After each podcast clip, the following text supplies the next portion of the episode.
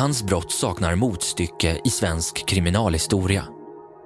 Jag själv är sex månader gammal när Mattias Flink natten mot lördagen den 11 juni 1994 påbörjar en massaker i Falun.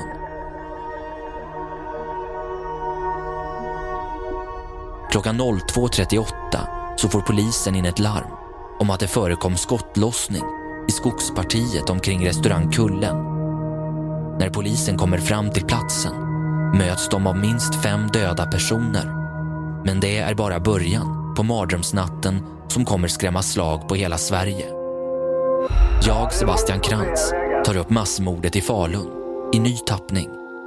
I det här avsnittet har jag valt att ta med både dåtidens händelser och efterspelet. Följ mig i sociala medier där jag också heter Sebastian Krantz.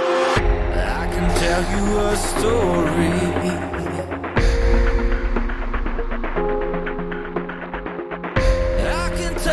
A story.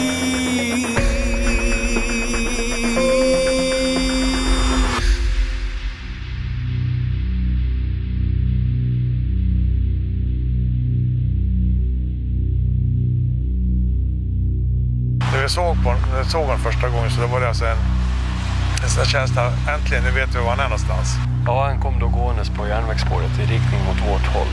Och när han kom till eh, det bortre änden av eh, järnvägsviadukten så fanns det ett buskage där. Och där försvann han några minuter. Och då har det växt fram en plan i mitt huvud hur, hur jag skulle göra. Eh, jag siktade på med kornet hade kornet på k-pisten rätt i skallen på Mattias. Då. Klockan 02.38 så ringer någon SOS Alarm och säger att det förekommer skottlossning i ett skogsparti omkring restaurang Kullen i Falun.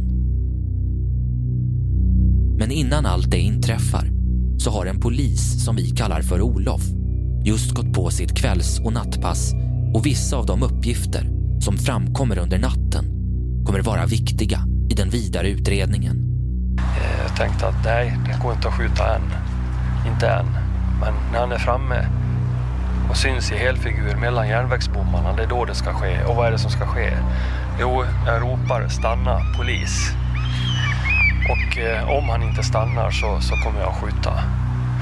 Eh, sen finns ju det, tanken med att ropa stanna polis, det är ju att han verkligen ger sig inför polisen då sträck, lägger ner sitt vapen och, och låter sig gripas.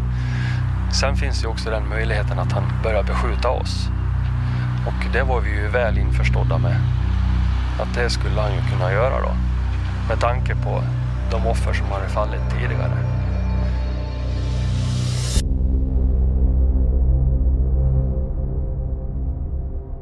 Den aktuella fredagen så går Olof på sitt pass klockan 18.00 han har arbetat som polis i Falun sedan 1985. Det var tänkt att han skulle jobba fram till klockan 03 lördagen den 11 juni. Fram till klockan 22 så hade han tjänstgöring iklädd polisuniform tillsammans med en kollega. Under kvällen stötte de inte på någonting särskilt märkvärdigt utan utförde några rutinmässiga kontroller och grep också en efterlyst person. Vid 22.30-tiden så var det dags för Olof att byta om till civila kläder. Han skulle därefter åka med en annan kollega i civil polisbil som spanare och jour. Och det är någon timma efter att de gått på sitt civila pass som de blir kallade till polishuset för att upprätta en anmälan.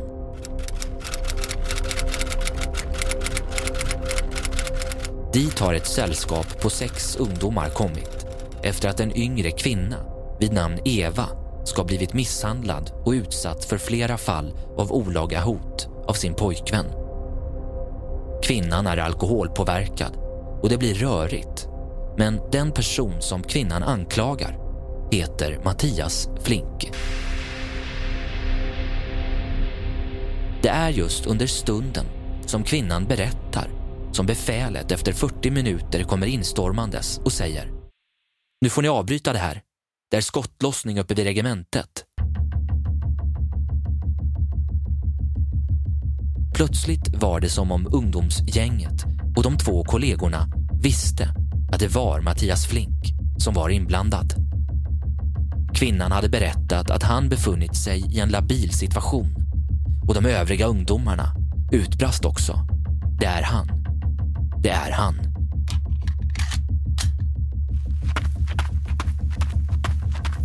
Nu utvecklades en febril situation bland tjänstgörande polismän i Falun. Alla kallades in för att utrustas och poliser som inte var i tjänst kallades också omedelbart in.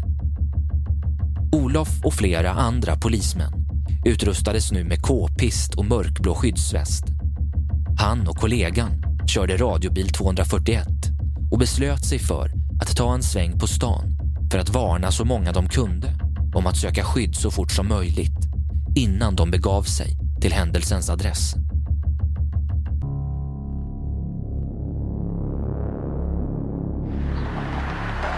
Han har eh, sitt fokus riktat upp mot stadsparken. Så han tittar upp åt det hållet. Då. Så när han, syns, när han syns i helfigur och jag skriker stanna polis så höjer han omedelbart sitt, sitt vapen och eh, går upp i anläggningen. Och då, då skjuter jag eh, ett skott från, från k-pisten. Och eh, Bernt han skjuter också. Ja. Personen som ringer in till polisen är kasernvakten på I13 som säger att det pågår skottlossning utanför militärområdet i Falun. En minut senare ringer polisen tillbaka och får då ytterligare uppgifter om att flertalet personer är nedskjutna och att skottlossningen fortfarande pågår. Samtidigt som man nu kallar ut så många poliser som möjligt så inkommer flera fruktansvärda uppgifter på radio och telefon. När man anländer till skogsområdet vid infarten till I13 och Falu lasarett så påträffar man tre kroppar på en promenadstig. Ytterligare två personer ligger i korsningen mellan Vasagatan och Parkgatan och samtliga av dessa fem personer är avlidna. Civila poliser rapporterar snart in att man observerat en kamouflageklädd man bärande på ett automatvapen i närheten av järnvägsstationen och riksväg 80.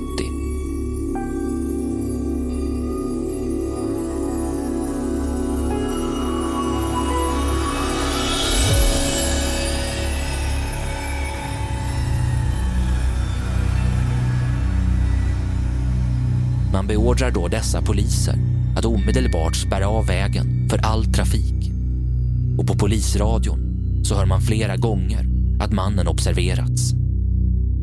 Men för att göra gripandet så säkert som möjligt så måste polisen söka skydd och invänta ett lämpligt läge.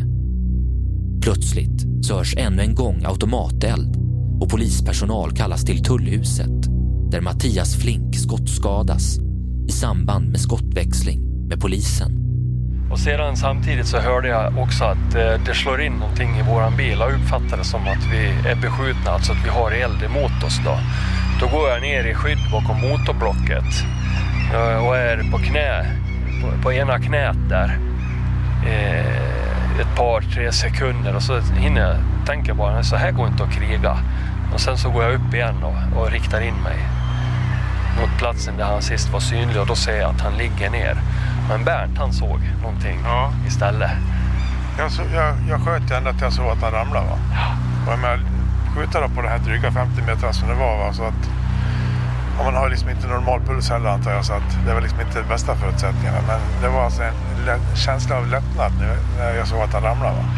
När vi hade kommit fram då så frågade Bernt honom var han hade träffat någonstans. Här i benet tror jag, hade han svarat. Och jag gick runt på ryggsidan.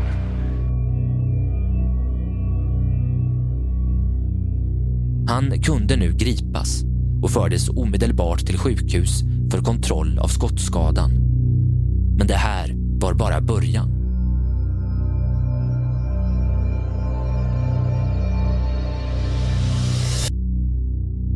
Uppgifterna var fortfarande knapphändiga och man behövde söka igenom stan för att få klarhet i hur många som skadats, om det fanns några överlevande eller fler gärningsmän. Samtidigt som man börjar forsla bort döda kroppar så tar polisen också kontakt med centralvakten på I13. Man får sedan kontakt med en chef där och berättar att man vill låna åtta soldater i arbetet. Det var halv tre natten till idag som vittnen hörde skottlossning från automatvapen i det här skogspartiet nära regementet I13 i centrala Falun. Vakten på regementet larmade polisen som kom till platsen. Det låg fem unga kvinnor skjutna på marken. Tre var döda, två dog kort efteråt. Ytterligare två män i närheten av skogspartiet sköts. Facit, sju döda, en skadad på sjukhuset. Det låg ett, eh, tre döda kroppar då. Här på marken bakom oss. Och eh, det var helt overkligt. Jag förstod ingenting egentligen. Jag trodde det var ett skämt först, att de hade lagt hit några dockor eller något sånt. Sen insåg man ju när man såg ja, så vad det var då. Det var förskräckligt. Hemskt. Ofattbart. Det var fruktansvärt. Man tror inte det ska hända här, men det gör det dock. Eh, Och sen, sen går man och tänker på det här så kommer det som man, eh, det är liksom, man ska överbrygga situationen som sådan. Va? Och då är det viktigt att man tar, ja, tar hand om varandra på rätt sätt. Det är, man ska kunna genomlida sånt här. va. Sa jag att eh, rör dig en fena så tömmer jag magasinet i ryggen på dig. Han låg blickstilla. Men omedelbart när jag hade sagt det så tänkte jag nej, det kan jag inte göra. Så då siktade jag om mot underbenen istället, låren. Då. Tänkte att eh, om man drar åt sig armarna då, så då skjuter jag några skott i benen på honom. Samtidigt så har ambulanspersonal fått larm via SOS klockan 02.40 om att de omedelbart ska bege sig till Falun med anledning av skottlossning och att det finns skadade personer. Fordon 913 kommer först till platsen. Klockan är då 02.49. De kör in på gångvägen från Herdinvägen och parkerar strax innan trevägskorsningen på stigen. På plats finns också ledningsambulans 924 och mitt på stigen så påträffar man den första personen, död, skjuten med huvudskott. Strax bakom denna person så ligger ytterligare en kvinna som senare ska komma att avlida. En tredje person ligger till vänster om henne och det är också en kvinna som blir den enda överlevande efter skjutningen. Den fjärde personen ligger någon meter längre in på stigen, avliden. En femte person ligger nedanför stigen, död. Till höger mellan stigen och gräset ligger en sjätte person. Och utöver dessa så påträffar man också två män skjutna vid vägkorsningen. Av de totalt åtta beskjutna personerna avlider totalt sju.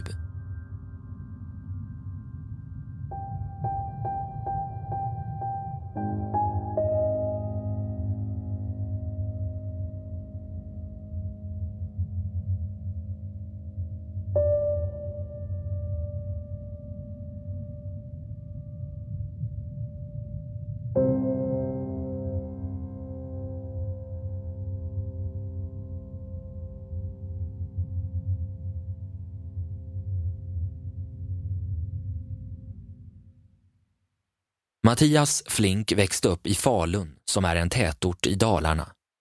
Hans mor var hemmafru och hans far, som hans farfar, var vapensmed med egen verkstad. Mattias föräldrar skiljs odramatiskt när han är tio år gammal. Han valde då att bo kvar med sin far i familjens hus medan mamman flyttade in i en annan bostad, bara hundra meter bort. Flink träffade ofta sin mamma men enligt psykologiska utredningar ska moderns flytt dock ha satt djupa spår hos honom. Som sjuåring gick Flink med i scoutrörelsen. Senare gick han elmekaniska linjen på gymnasiet och var också aktiv i FBU, frivillig befälsutbildning. Han hade ett intresse för skytte och innehade flera privata vapenlicenser och ansågs vara en skicklig och säkerhetsmedveten skytt. Han ägnade sig främst åt sportskytte men även jakt, ett intresse som han delade med sin far. Mattias genomförde militär grundutbildning, värnplikt vid Dalregementet i 13 i Falun. Han sökte efter värnplikten till officersutbildningen och våren 1991 så blev han antagen till utbildning vid infanteriets och kavalleriets officershögskola i Umeå. Efter fullgjord praktik vid Dalregementet utexaminerades han som fänrik i slutet av maj 1993 och blev då fast anställd vid Försvarsmakten. Mattias far berättar också om relationen till sin son och då framkommer uppgifter om att Mattias mått mycket dåligt en period.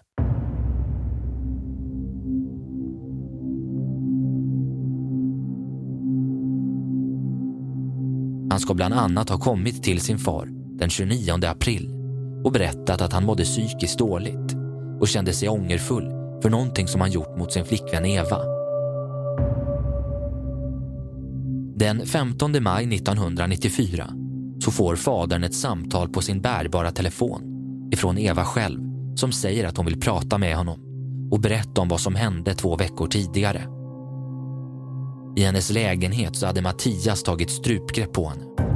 Hon berättar också om en kväll då han fick ett raseriutbrott på två av sina bästa vänner då han hoppade på dem och en misshandel uppstod. Det är nu personer i Mattias omgivning på riktigt börjar förstå att hans beteende drastiskt förändrats och hans psykiska mående är i kraftig obalans. Kvällen den 10 juni och natten mot lördagen så hade kvällen för Mattias Flink börjat hemma hos en god vän till honom. Där hade man druckit flertalet drinkar och senare fortsatt ner till centrala Falun för att där fortsätta kvällen.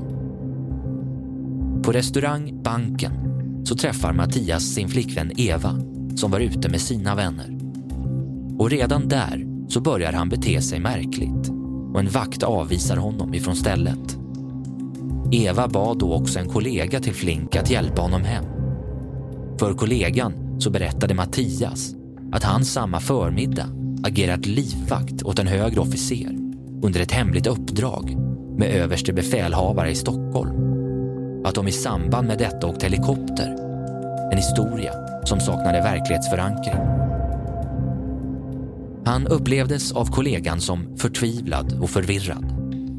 Mattias fortsätter sin promenad, men han går inte hem. Istället så går han förbi diskoteket Garbo dit Eva och hennes sällskap nu förflyttat sig. Efter våldsamheter och bråk med bland andra Eva så blir han återigen avvisad av vaktpersonalen. Och utanför restaurangen så träffar Flink nu en annan kollega. Denne försöker lugna och tala honom till rätta, vilket misslyckas. Samtidigt så har nu Eva bestämt sig för att polisanmäla Flink och går med sina väninnor till polishuset. Först nu beger sig en mycket kraftigt berusad Mattias Flink hemåt där han bytte om till fältuniform. Han beger sig sedan till sin arbetsplats, Dalregementet i 13.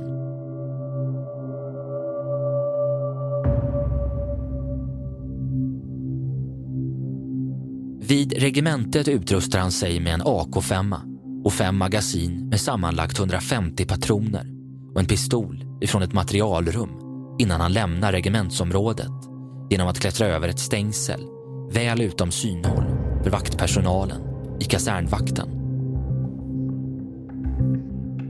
Parallellt med denna händelse så hade Dalregementet genomfört en utbildning med elever ifrån Lottakåren och samma kväll som Mattias fick sin psykos avslutades kursen. I samband med kursavslutningen så besöktes ett antal av stadens krogar och vissa deltagare var nu på väg tillbaka till regementet där de bodde under utbildningen. Vad de inte visste då var att de snart skulle möta Mattias Flink fullt beväpnad.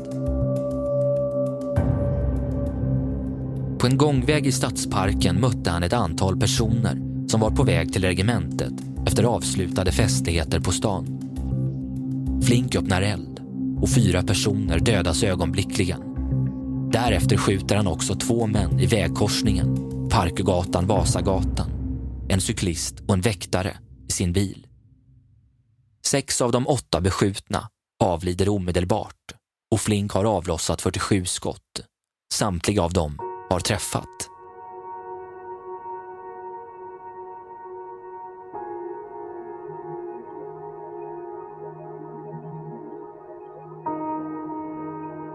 Efter en kort stund så anländer polisen till platsen. Misstankar hade då väckts genom den tidigare inlämnade anmälan ifrån Eva och hennes sällskap i vilken Flink omnämnts om att han förmodligen kunde vara gärningsmannen. Polisen bad därför om assistans med identifiering och militär personal medföljde polispatrullen. Och efter dådet så klättrade Flink upp i en byggkran vid Bergmästaregatan. Han förblev sittande där en dryg halvtimme innan han slutligen klättrade ner och vandrade hemåt längs ett järnvägsspår. När han visade sig fullt synlig skrek polisen att han skulle stanna och släppa sitt vapen. När han inte lydde uppmaningen utan istället höjde vapnet till skott sköt man verkanseld med en k-pist och träffade Flink i höften. Han föll omedelbart och blev liggande varefter han greps.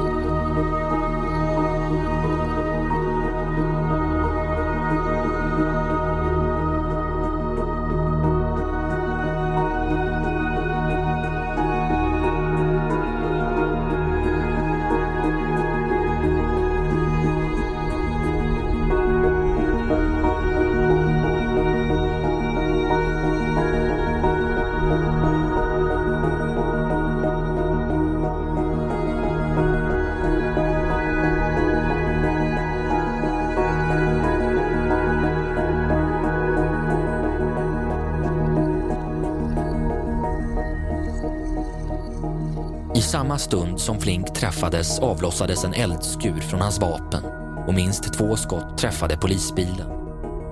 Sedan Flink avväpnats och ambulans tillkallats hade klockan hunnit bli 03.25 och han fördes till Falu lasarett där det visade sig att han hade 1,69 promille alkohol i blodet.